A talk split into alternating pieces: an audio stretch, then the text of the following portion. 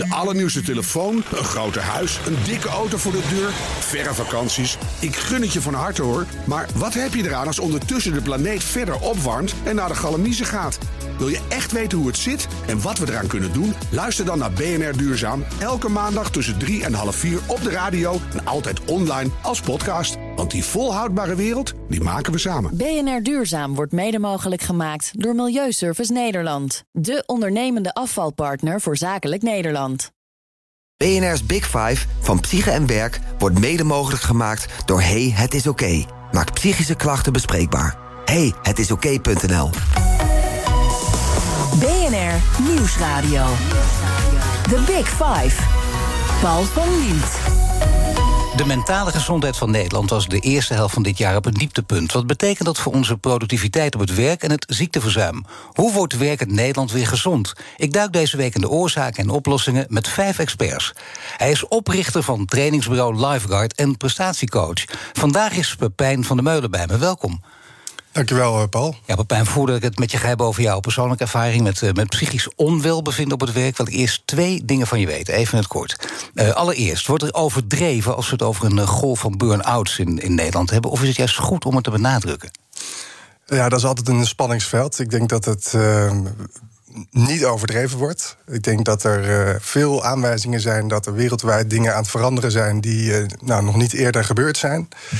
En dat maakt dat we allemaal op zoek zijn naar een, nieuwe, naar nieuw evenwicht, een nieuwe balans. En ja, ik denk dat we nog steeds. Uh, de, de technologie, de, de enorme ontwikkelingen op dat vlak.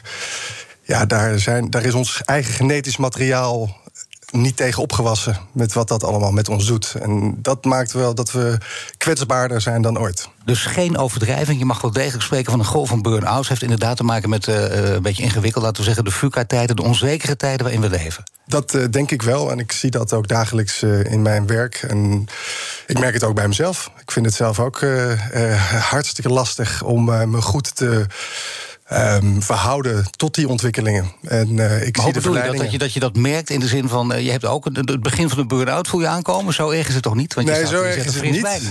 Zo erg is het niet, maar ik heb wel die momenten gehad... Uh, nou, dat is alweer wel wat jaren geleden... maar dat ik zelf ook echt um, een bepaalde ondergrond miste. Een soort vastigheid, waardoor het eigenlijk voor mij allemaal... heel chaotisch en, en onzeker aanvoelde... wat er allemaal om me heen gebeurde. En dat was niet alleen eh, in het werk, maar ook eh, privé. Dus ik heb ook zelf heb ik ook wel echt, uh, ja, uh, ben ik ook wel laag gegaan, maar zo te zeggen. Nou ja, fijn dat je dit zegt, want ik denk dat het uh, leerzaam is voor ons allen. Daar gaan we zo meteen wat, wat langer op door.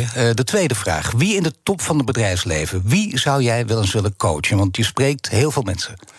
Nou ja, top van het bedrijfsleven, daar, daar, ja, daar zijn wij eigenlijk al actief. Dus daar, daar, um, daar denk ik dat er al veel bereidheid is en ook momentum om hier meer aandacht aan te besteden. Ja, dat, dat vind ik toch interessant, veel bereidheid. Want ja. dat dan toch, mijn idee is dat heel veel mensen zeggen dat wel, maar als het eenmaal over is, vinden ze toch nog flauwekul. Ik heb het niet nodig. nou, ik denk dat dat zeker door corona, door, door afgelopen anderhalf jaar wel echt sterk veranderd is. En dat ook nu leadership in organisaties meer dan ooit naar zichzelf kijken. En naar hun eigen kwetsbaarheden. En daar ook meer en meer ook durven over uit te wijden richting hun uh, medewerkers, teams enzovoort. Dat, dat is, dus, dus op dat niveau wil iedereen het al wel, maar wie wil het dan nog niet? Nou, ik ben, waar ik me wat meer zorgen over maak is de politiek, uh, waar dit nog uh, veel minder vanzelfsprekend is. En wie zou jij dan willen coachen? Ja, uiteraard zou ik de ministers graag een keer willen ondersteunen. Misschien wel de nieuwe, nieuwe ministerraad.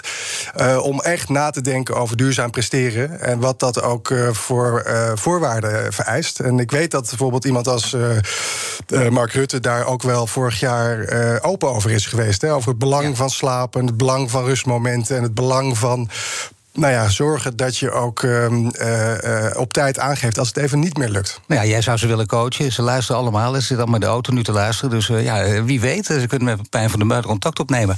We gaan nu praten over een belangrijk punt dat je net zelf al aanroerde. voordat we echt over jouw werk zelf beginnen. Je zegt, er was een moment in mijn carrière of in mijn loopbaan, maar ook in mijn privéleven, dat ik wat minder goed in mijn vel zat. En dat merk je direct, daar leer je ook van. Ga daar maar eens even over uitweiden. Ik ben wel benieuwd. Nou ja, ik ben, ik ben inderdaad in 2002 met uh, twee compagnons, uh, Mikkel Hofstee en Volev Brit, uh, Lifeguard begonnen. Uh, een idee wat uh, eigenlijk gebaseerd was op uh, het, tandartsmodel. Hè. We, we, waren net de, we hadden net de millenniumwissel wissel gehad. En, en, wij zagen dat de tandarts eigenlijk mega succesvol was als het gaat om het verkopen van preventie.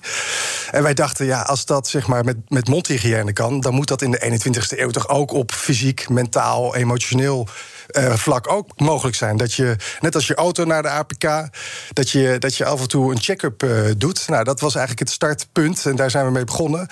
Ja, en zo groeide de organisatie vanzelf uh, steeds groter. En we waren inderdaad. Um, we kregen echt wel grote opdrachtgevers.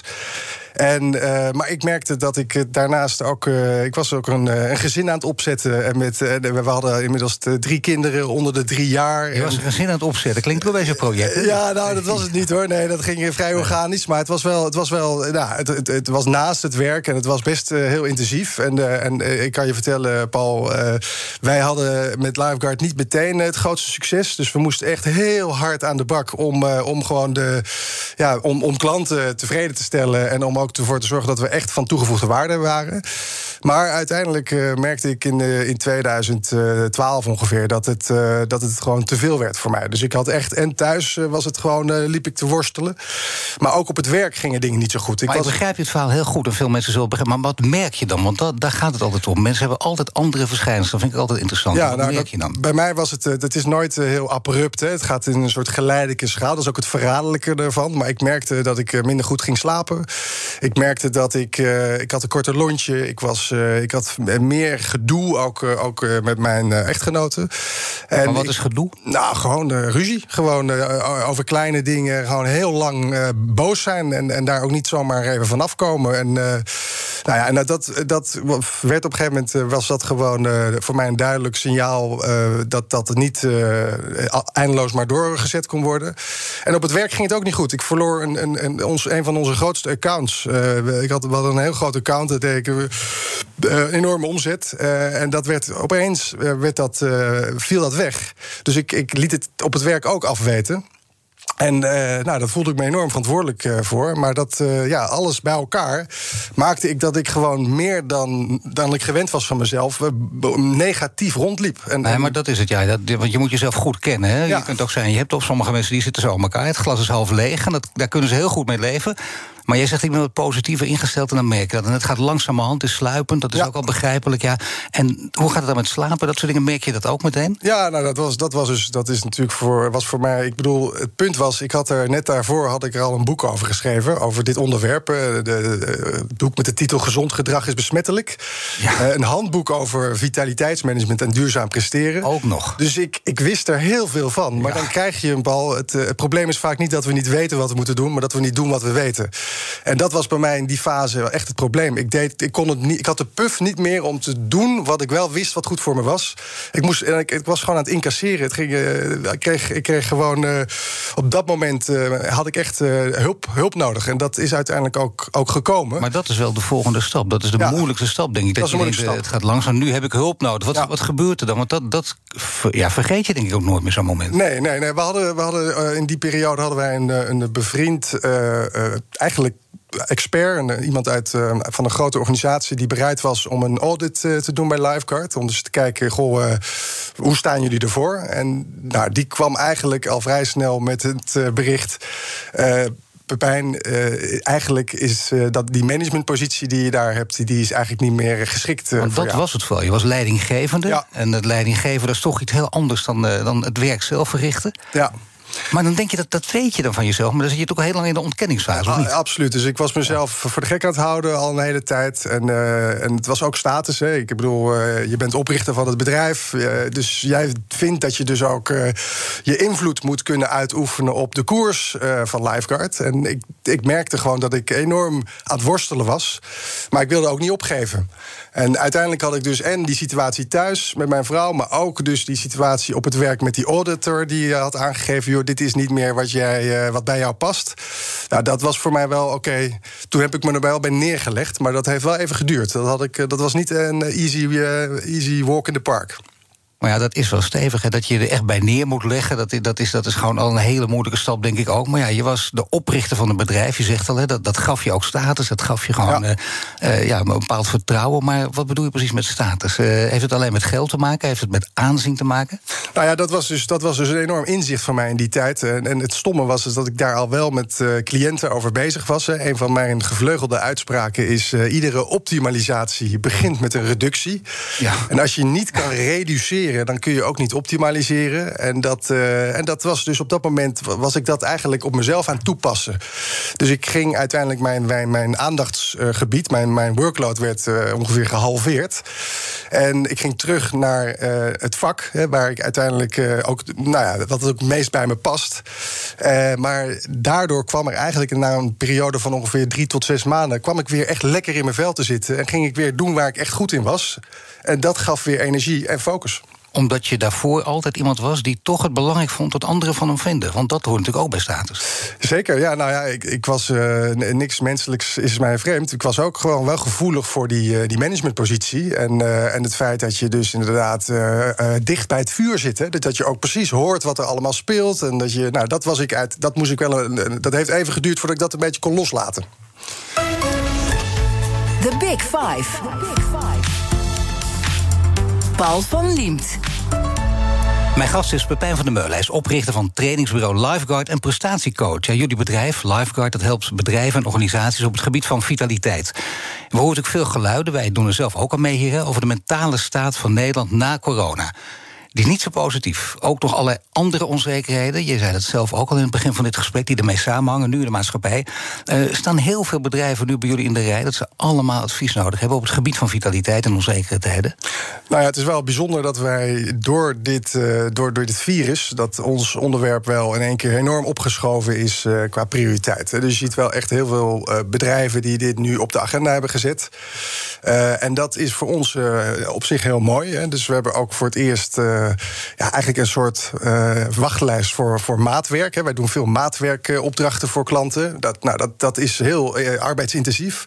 Dat hebben we nu eigenlijk. We hebben dus nu aanvragen moeten ja, eigenlijk aangeven van ja, we willen graag, maar nu niet meteen. Het, we hebben even tijd nodig. Dat hebben we nog nooit gehad. Dus we jullie, hebben, dus dit zijn echt de gouden tijden? Dit zijn de gouden tijden. Dus dat merken we ook wel aan, aan alles. Maar dat merken we ook dat wij, en dat zie ik ook als een belangrijke verantwoordelijkheid die ik heb binnen, binnen Lifeguard, is dat wij ook uh, congruent blijven met wat wij uitdragen. Dus dat wij de vitaliteit die wij uh, uh, bij klanten um, onder de aandacht brengen dat wij daar als, uh, als Lifeguard zelf natuurlijk een, een, een, een, voorbeeld in blijven. Je zou natuurlijk een enorme sprong kunnen maken, maar mensen onderschatten dat inderdaad heel vaak. En denk je, nou, je krijgt meer aanvraag, dan doe je toch, dan pak je de opdrachten aan, dan gaan we wat harder werken of wat nieuwe mensen aannemen. Maar dat kan niet nooit zomaar, denk ik. De goede mensen, kun je ze makkelijk overal vandaan halen? Dat gaat heel goed. Dus dat is wel mooi dat wij inderdaad inmiddels, hè, we zijn bijna twintig jaar bezig. We hebben een hele mooie positie eh, in de markt. We worden gezien als wel een van de pioniers op dit vlak. Uh, wat wel. Um, uh, echt voordelen heeft, is dat je steeds meer mensen ziet die goed betaalde banen, uh, uh, dat ze daar eigenlijk weggaan en bereid zijn om een kwart van hun salaris bijvoorbeeld in te leveren, om uiteindelijk bij ons aan te sluiten. En, daar, dat mensen die, die, die doen wat jij hebt voorgedaan, namelijk status inleveren. Nou ja, op het gebied van geld, op het gebied van aanzien, van wat denken de anderen van me? Ja, zo had ik er nog niet naar gekeken, Paul, maar het is wel wat er gebeurt. En je ziet dat die mensen, dat is echt toptalent, die zeggen gewoon: wij willen meegaan in zo'n uh, beweging waar Lifeguard voor staat. En uh, die willen hun talenten en kwaliteiten echt inzetten voor een uh, bepaald ideaal. En, uh, en dat, is, dat is wel, daar ben ik zelf eigenlijk het meest trots op. Dat die mensen bereid zijn om dat te doen. En dat zijn mensen die meestal ook op leeftijd zijn met heel veel ervaring? Juist, ja, steeds ja. meer. mag je ook zeggen meer. wie dat zijn of niet? Of is het allemaal met geheimhoudingen omgeven? Nou, ik, ik, dat ga ik inderdaad nu niet zo nee. noemen. Maar nee. het, zijn, het zijn inderdaad wel echt mensen die, die heel veel levenservaring en werkervaring hebben. En, ja, en echt wel ook zien dat wat wij, waar wij mee bezig zijn, hè, dat, ze daar ook, uh, dat wij ook een cultuur hebben gecreëerd in al die jaren. Waarin we ook echt uh, ja, practice what we preach. En dat, uh, dat trekt aan. Dat wordt ook wel gezien als een echt een, nou ja, iets wat, wat, waar mensen echt voor kiezen. En eerlijk, eerlijk durven zijn, dat deed je net ook. Aan het begin van het gesprek ook je eigen situatie schetsen. Ook dat het niet altijd geweldig nee. gaat. Bij jullie bedrijf staan ze nu in de rij. Ja. Voor de pandemie was het anders. Toen ging het weer niet zo goed. Nou, dat, dat, ook voor de pandemie hadden wij ook al dat we echt. We hebben 2019 was ons, was ons beste jaar. Dus dat, was, dat geeft wel aan dat er wel iets aan het veranderen is. Wij hebben altijd gedacht dat als, als die vrouwen maar doorbreken naar topposities en in besturen, besturen, besturen terechtkomen, ja, dan wordt ons onderwerp belangrijker en belangrijker. Maar dat is eigenlijk is het zijn vooral de millennials. Dat zijn eigenlijk de, de nieuwe generatie die dus echt de, de definitie van succes aan het herdefiniëren zijn. Die veel breder kijken dan alleen maar. Voor duidelijkheid, je ziet er jong uit, maar volgens mij ben je geen millennial. geen millennial, nee, nee, nee, zeker niet. Nee, ik ben nu 45, maar uh, kijk, wat je ziet is dat toen ik begon met werken in, uh, in 2001, toen was de gemiddelde burn-out leeftijd was, uh, lag rond de 41. En inmiddels is die opgeschoven naar iets van tussen de 24 en de 26. Dus dat is in een hele korte tijd is dat een enorme verandering. Als je, het zo zegt, lijkt me zelfs bijna een, een apart onderwerp, hè, waar we straks van uitgebreid over moeten praten. Want heeft het echt met generaties ook te maken. Ja, Bij jullie is de rode draad en, en, van groot belang is vitaliteit. En daar zijn jullie niet de enige in. En daar roepen mensen vaak van een afstand is een beetje vaag. Want uh, ja, vitaliteit, energie. Wat bedoel je daar precies mee? Nou, ik denk dat het. Uh, kijk, energie uh, en stress, dat, dat, dat heeft veel met elkaar te maken. En kijk, wij zien energie als iets wat inderdaad net als. Um, uh, ja, een virus besmettelijk kan zijn. En dus energie is wat jij uitstraalt. Uh, en dat heeft een basis, hè, die, uh, dus een fysieke energie. Dat gaat over slapen, dat gaat over bewegen en ontspanning en goed eten. Maar er zit ook een component aan, die gaat over relaties. gaat over, nou, wat is mijn kwaliteit van de relatie met, met, met mijn thuissituatie... maar ook met mijn collega's en met mijn leidinggevende.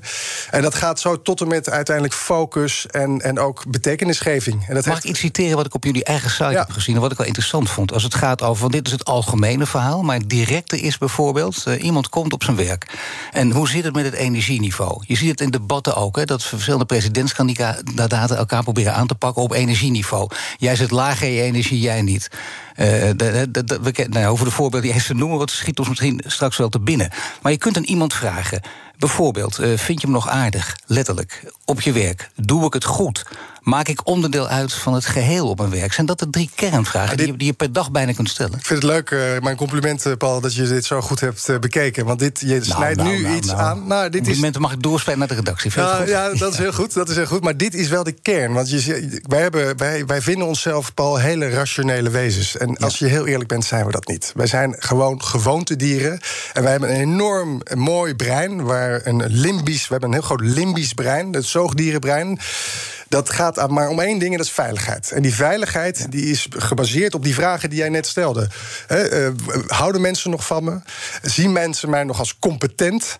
En uh, ben ik onderdeel van de groep? He? Samenhorigheid is daar een belangrijk onderdeel van. Nou, wij zijn eigenlijk dagelijks onbewust op zoek naar bevestiging op deze drie vragen.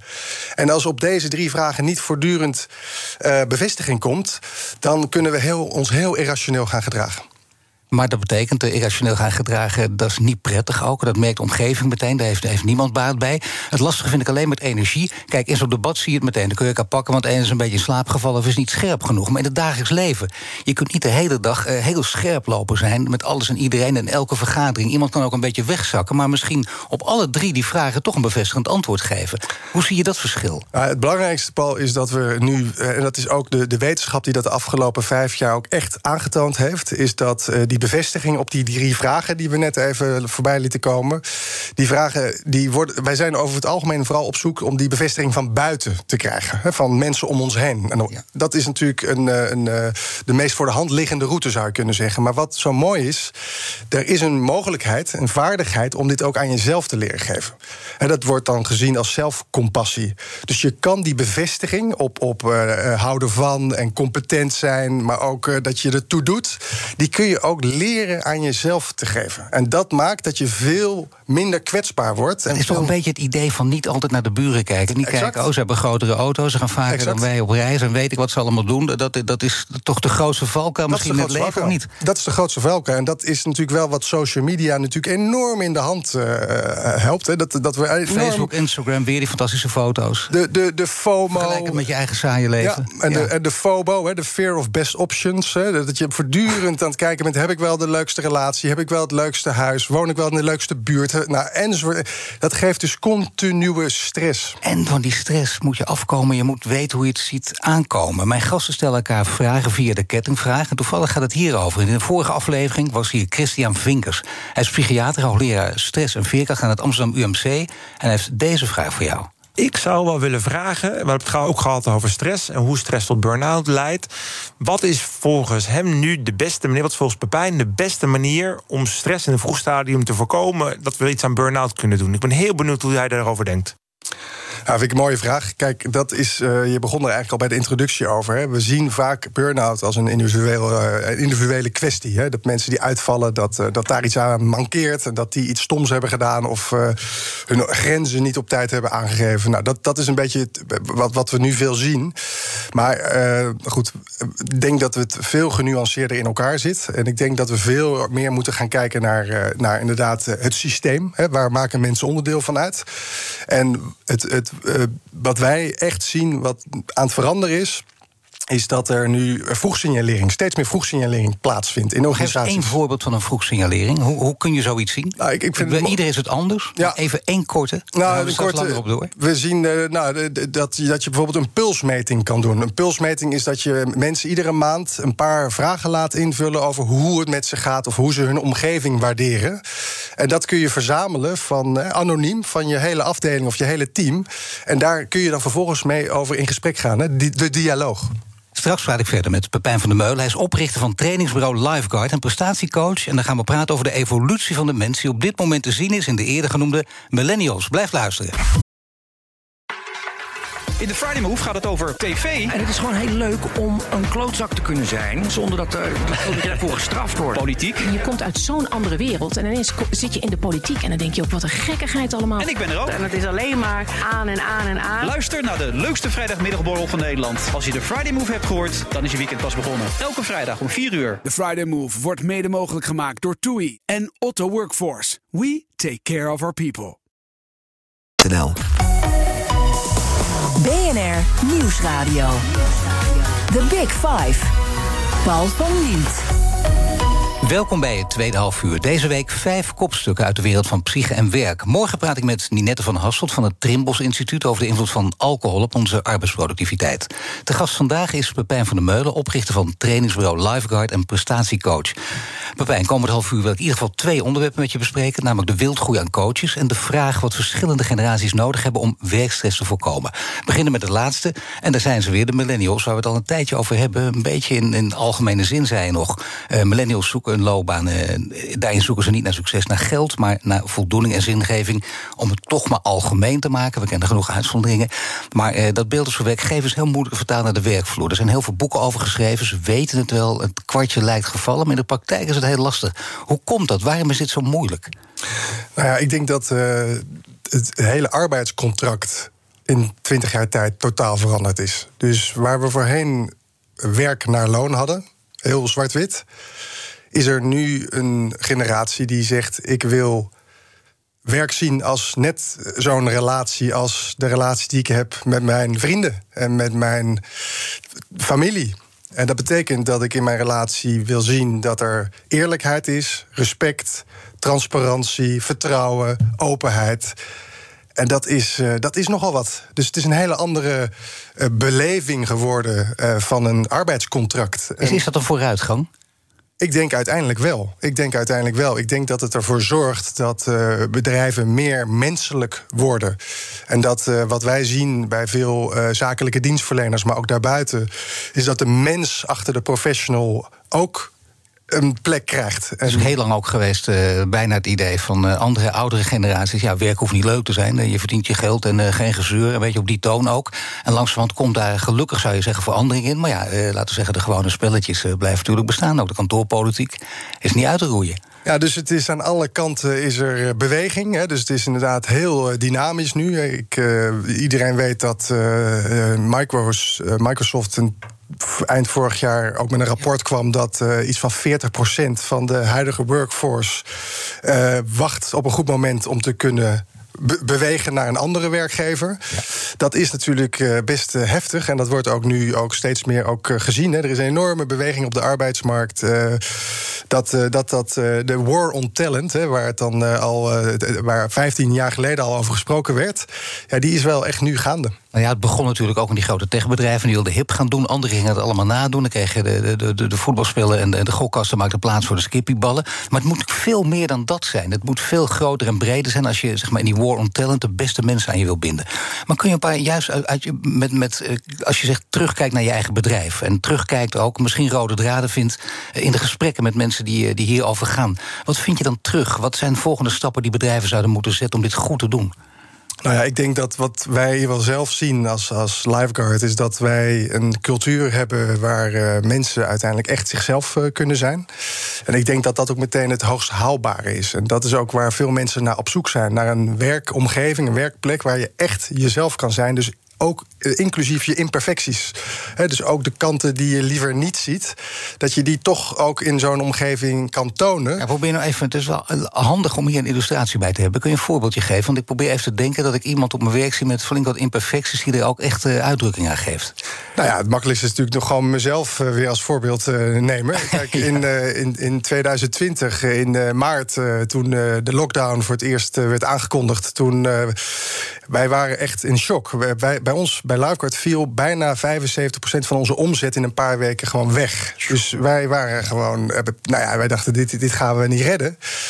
En eh, nou ja, dan zie je dus dat, eh, dat je dus een cultuur hebt van mensen die echt eh, de schouders onder willen zetten. Die echt zeggen, nou, dit, wij- gaan onszelf opnieuw uitvinden. We hebben onszelf helemaal opnieuw. Nou, heel onze dienstverlening is als het ware digitaal gegaan. Dat hadden we voorheen ook nooit kunnen bedenken. Maar wat vervelende was, is ik zat thuis met vier kinderen, waarvan nog een heel kleintje.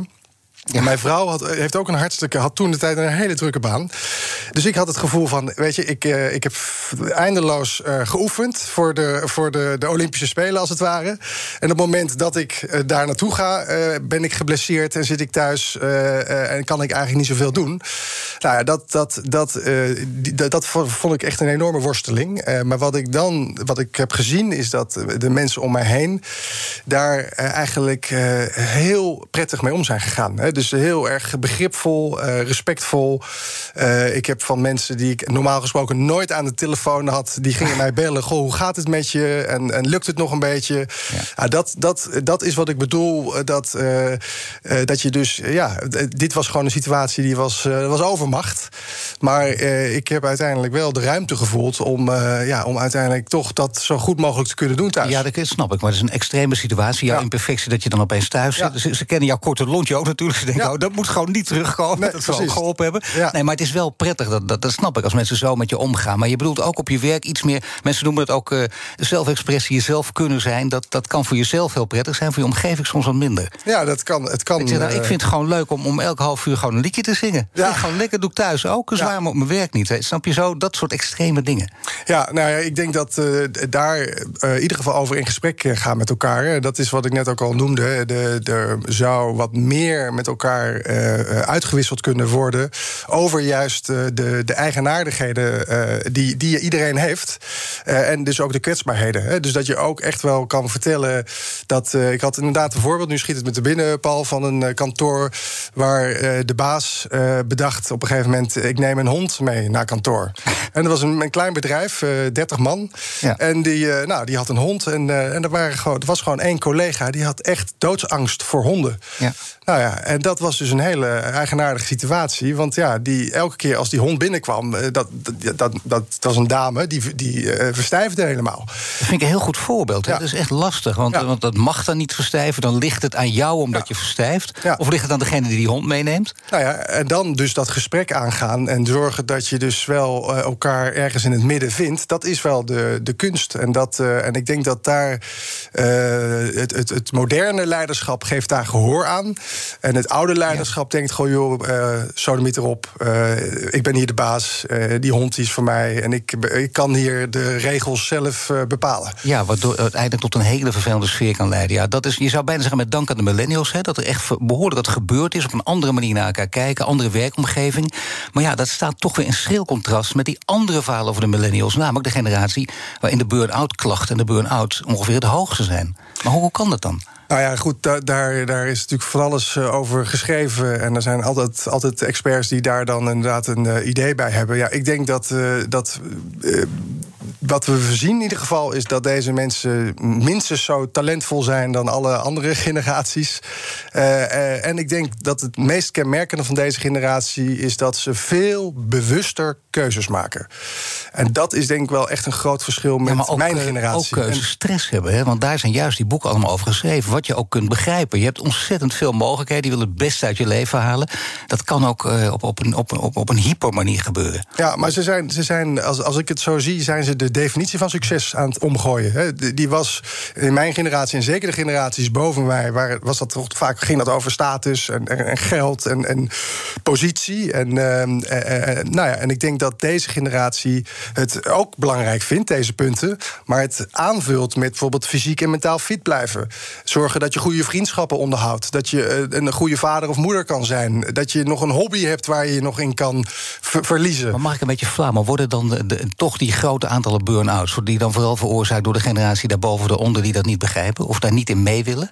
Nou, dat, is, dat kun je niet zo stellig neerleggen. Maar ik denk wel dat er een, een enorme uh, zoektocht plaatsvindt tussen, tussen de verschillende generaties. En dat er inderdaad uh, dat er niet uh, meteen één soort van ideaal is daarin. Dat, dat, dat zijn we nu aan het ontdekken nog met elkaar. Je hebt wel verschillende scholen die, die over generaties praten. Ik weet zeker dat er nu mensen luisteren die, die instemmend knikken. Maar ook mensen die misschien denken: wacht even, dat, dat doet er toch helemaal niet zo toe. Want de een kan 60 zijn en, en zich als een 30-jarige gedragen en omgekeerd. Dus waar, waar gaat het eigenlijk over? Of merk jij juist in je praktijk dat het misschien zo is, maar dat deze etiketjes wel degelijk eh, te plakken zijn. Nou ja, wat, wat een van de kenmerken is, is dat. Uh, nou ja, wat, wat, je ziet is dat het, het werk niet alleen maar leuk hoeft te zijn. Hè. Dat is natuurlijk wel zo'n zo'n eh, stigma wat er af en toe omheen hangt. Hè. Het werk moet vooral leuk zijn en ik moet me altijd kunnen ontwikkelen. En, en daar zie je dat, dat de jongere generatie wel wat ongeduldiger is dan de generaties daarboven. Dat, dat je af en toe heb je gewoon een periode, dan is het werk gewoon minder leuk. Maar dan moet je gewoon even doorheen en dat hoort erbij. En dat een soort wat ze dan noemen hardiness daarop.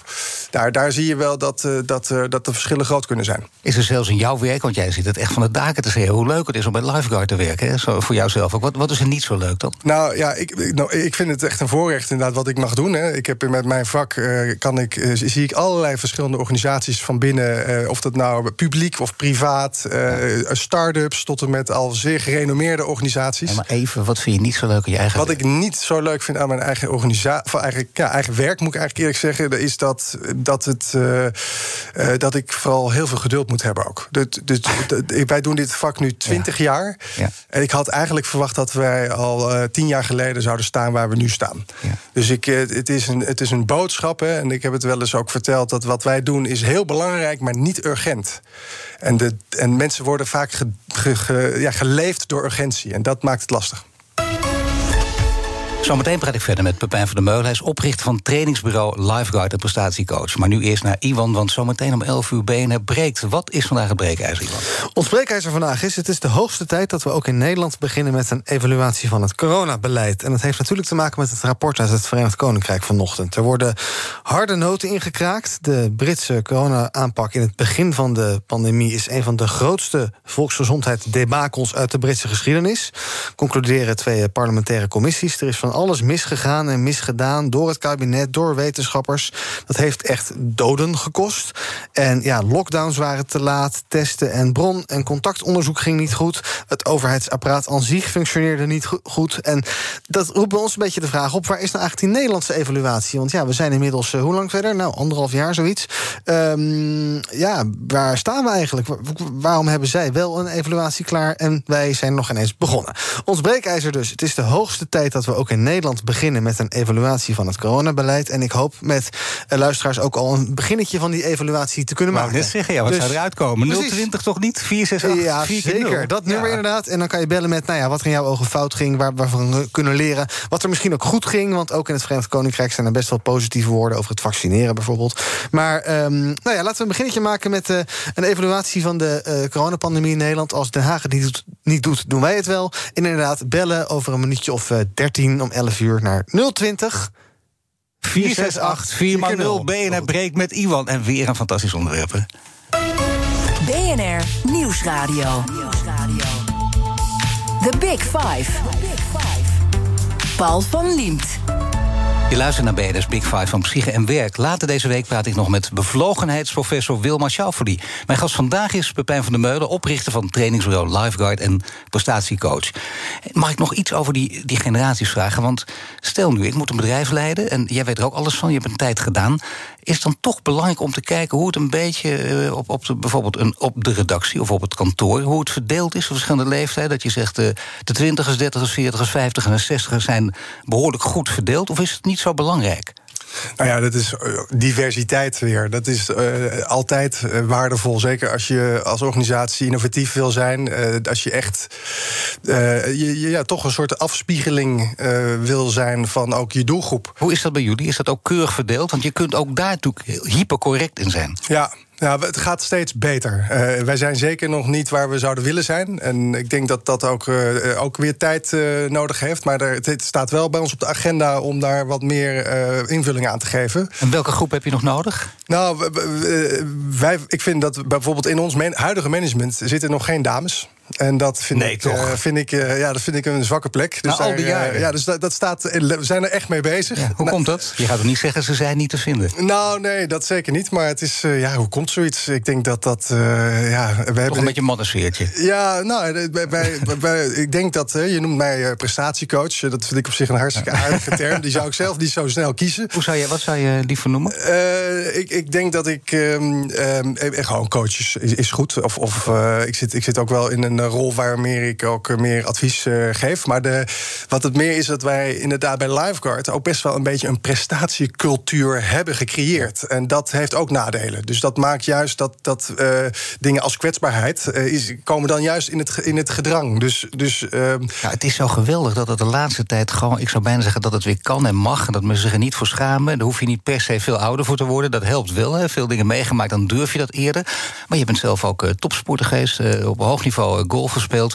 Ja, dan weet je natuurlijk hoe dat werkt ook. Op dit gebied. Kwetsbaarheid toon je niet, terwijl je dat nu wel ziet. Olympische Spelen gebeurde dat ook. Hè? Ik heb een mentale inzinking, dat zeiden verschillende topsporters. Vooral vrouwen trouwens ook. En daarna mannen ook. En, dat gewoon vertellen, dat helpt wel, denk ik. Dan is het niet meer iets voor watjes of softies. Nee, ook voor grote kampioenen. Ja, ik ben daar dus ook heel blij mee dat dat gebeurt. Hè. Dat, eh, dat we dat stigma eh, voorzichtig doorbreken nu. En eh, een van de dingen die ik heel veel zie nu, en het met name de laatste vier, vijf jaar, is bijvoorbeeld iets als, als werkverslaving. Dat is echt een onderwerp wat, wat vaak nog ja, wat een beetje dubbel is. Want de werkgever is er eigenlijk, die stimuleert het in veel gevallen nog. Vaak ook onbewust, maar soms zelfs bewust. En het werk is ook zo leuk. En het dus ja. werk is onwijs leuk. En dat Ja, maar ik ben er ook altijd in getrapt. Dus heel goed dat je dit zegt, want ik snap het ook. Het is heel lastig. En onder het mom van je vindt het zo leuk. Maar je gaat jezelf ook het wijs maken. Ja, en dat is, wat je ziet is dat eh hoge mate van betrokkenheid bij het werk is geweldig. Hè. Dat, dat is wat iedereen zoekt. Maar er zit een heel dun lijntje, dat zie je ook in de sport, tussen heel hoog betrokkenheid en fanatisme. En fanatisme is heel destructief. Fanatisme wil zeggen dat je eigenlijk eh, obsessief of compulsief bent met je werk. En dat is vaak waar de verslaving uit voortkomt. Mag ik even op door, want dat vind ik een heel ingewikkelde. Daar loop ik eigenlijk mijn leven lang over na te denken. Want als je boeken van anderen leest, als je verhalen van anderen hoort... dan wordt ook vaak gezegd, obsessie is niet goed. Moet je uitkijken. Maar als je echt iets wil presteren, echt heel goed wil worden... heb je juist weer nodig. En dan kijk je naar naar grote kampioenen. En dan, kost het pijn en moeite. Maar ja, je bereikt ook iets geweldigs. Dat, dat doel heb je zelf gesteld. Dus om, om, kijk, dan kun je wel zeggen, de balans, dat moet ook. Maar hoe kun je hier de balans vinden? Nou ja, ik denk dat dus het, het, het, eh, het, het, het herstel, hè, eh, of, of reflectie, hè, wat meer mentaal-emotioneel eh, van belang is, dat, dat wordt vaak onderschat hoe belangrijk dat is en hoe we dat ook eh, organiseren voor onszelf. En wat wij, hè, ik heb altijd een soort formule, dat is pijn plus reflectie is groei. En reflectie is vaak hetgene waar we eh, echt in tekort schieten. Dat, dat vinden we lastig. Daar bewegen we vaak omheen. We weten vaak ook niet hoe dat moet. Echt zelfinzicht. Echt zelfinzicht. Echt in de spiegel kijken. Dat kan, dat kan met een coach, maar dat kan ook uh, via uh, iemand die jou, uh, waar je vertrouwen in hebt. Die, die, die, echt, die je echt toelaat. Maar we zien dat wij als, als soort nu op dit moment nog nooit zo goed geïnformeerd zijn. De informatie is overal. Nou ja, infobesitas zou je het kunnen noemen. Maar we zijn nog nooit zo weinig reflectief geweest. En dat is een hele zorgwekkende combinatie. Want dat, dat, zonder reflectie dan zijn we vooral informatie aan het consumeren. Maar we, het, we doen er niks meer mee. Dus, het, Nee. het, we, we, we laten het niet meer landen. Of we, dus dus we, ja, we, schieten daarin echt, eh, echt tekort in. Echt een belangrijke boodschap, denk ik. Ja, zometeen nog iets over coachen. Maar eh, ik heb genoeg vragen gesteld. Misschien wel. Jij moet ook een vraag stellen. Of mag hem zelf stellen. Want dat doen onze gasten steeds aan elkaar. De kettingvragen. Je mag een vraag stellen aan de volgende gast. En dat is Ninette van der Hasselt. Hoofd van het expertisecentrum alcohol van het Trimbos Instituut. Wat zou je aan haar willen vragen? Nou ja, ik, ik ben gewoon benieuwd. Het is ook een beetje een persoonlijke interesse. Maar ik dacht, ik ga toch gewoon eens stellen aan eh, Ninette of, of eh, nou, aan Trimbos. eh, wat hun visie is. hoe zij kijken naar de ontwikkelingen die er zijn. als het gaat om allerlei nieuwe onderzoeken over de positieve effecten van psychotherapie. in combinatie met psychedelica. Zoals bijvoorbeeld MDMA. Als het gaat om het doorbreken van alcoholverslaving. Daar zou ik wel eens willen horen hoe Trimbos daar naar kijkt. of Ninette zelf. Nou, ik ben heel benieuwd eh, wat ze daarop gaat antwoorden. Bij jou natuurlijk nog iets over de coaches. Want het is heel goed en je merkt het ook. En mensen hebben het nodig, maken er meer gebruik van. Het lijkt soms wel een beetje, als ik het ga overdrijven... dat we in Nederland nu meer coaches hebben dan mensen die gecoacht worden. Dat weet ik ook niet. Of je kunt zeggen, het is heel goed. Dat betekent ook dat ze elkaar proberen te helpen op allerlei gebieden. Maar je hebt ook wel coaches en coaches. Eh, hoe zie ik het verschil? Want eh, ja, iemand die zich aanbiedt als coach... die denkt, nou, laat ik ook maar coach gaan worden. Daar heb je weinig aan. Ja, nee, ik heb het zelf. Ik hou het even bij mezelf. Ik, heb, eh, ik ben zelf afgelopen jaar begonnen met een eh, eh, opleiding tot teamcoach. En voor die tijd durfde ik zelfs af en toe te zeggen dat ik al teamcoach was. Dat ik wel eens teams begeleide. En ik ben nu echt die opleiding doorgegaan. En eh, dat heeft mijn oog echt geopend. En ik heb echt in de gaten eh, gehad hoe groot het verschil kan zijn tussen denken dat je teamcoach bent. En als je daar een echte goede opleiding voor doet, wat dat voor, eh, wat voor enorm verschil dat eh, kan maken. Dat, dus ik denk dat we daar heel voorzichtig mee moeten zijn. En ik ben blij ook op de opleiding die wij doen, want we deden dat in company met, eh, met tien collega's. Dat je dus daar ook, er zit dan een steercertificatie aan. En dat, dat we wel heel goed blijven kijken naar bepaalde kwaliteitskenmerken van coaches die je in huis haalt. Want inderdaad, het is, het is een vrij beroep, dus iedereen kan het zichzelf aanmeten. Maar de verschillen kunnen enorm groot zijn. Op zichzelf heel mooi, maar het is inderdaad dat je denkt, eh, laat ik het gewoon maar eens bij doen. Ik heb nog een uurtje in de week over en ik kan wel goed luisteren. Denken mensen ook en dan, eh, dan ga je met iemand praten. Dat is te weinig. Heel, heel, heel veel te weinig. En ik denk dat het. eh er zit een, ook een. eh, daar hebben wij dan bij Lifeguard echt voor gezorgd. En ook een soort eh, kwaliteitswaarborging. Hè, met intervisie. En, en heel veel ook die, die kant om ook. ehm, eh, dat, je, dat je ook zelf blijft doorleren. Ook als, als eh, teamcoach. Maar het is wel het. ehm, eh, op het moment dat je dit je eigen hebt gemaakt. en je gaat daarmee eh, de boer op. dat is wel. eh, ja, het is heel mooi werk. Dat is echt heel erg. eh, geeft heel veel voldoening. Nee, maar dat hebben we gemerkt tijdens dit uur. Dank je voor dit gesprek, Pepijn van der Meulen. Alle afleveringen van BNR's Big Five zijn terug te luisteren. Je vindt de podcast in de BNR-app en op bnr.nl. Nu Iwan Verrips met BNR Breekt. Dag. BNR's Big Five van Psyche en Werk wordt mede mogelijk gemaakt door Hey, het is oké. Maak psychische klachten bespreekbaar. Hey, het is oké.nl. De allernieuwste telefoon, een groter huis, een dikke auto voor de deur, verre vakanties. Ik gun het je van harte hoor. Maar wat heb je eraan als ondertussen de planeet verder opwarmt en naar de Galamiezen gaat? Wil je echt weten hoe het zit en wat we eraan kunnen doen? Luister dan naar BNR Duurzaam. Elke maandag tussen 3 en half 4 op de radio en altijd online als podcast. Want die volhoudbare wereld, die maken we samen. BNR Duurzaam wordt mede mogelijk gemaakt door Milieuservice Nederland. De ondernemende afvalpartner voor zakelijk Nederland.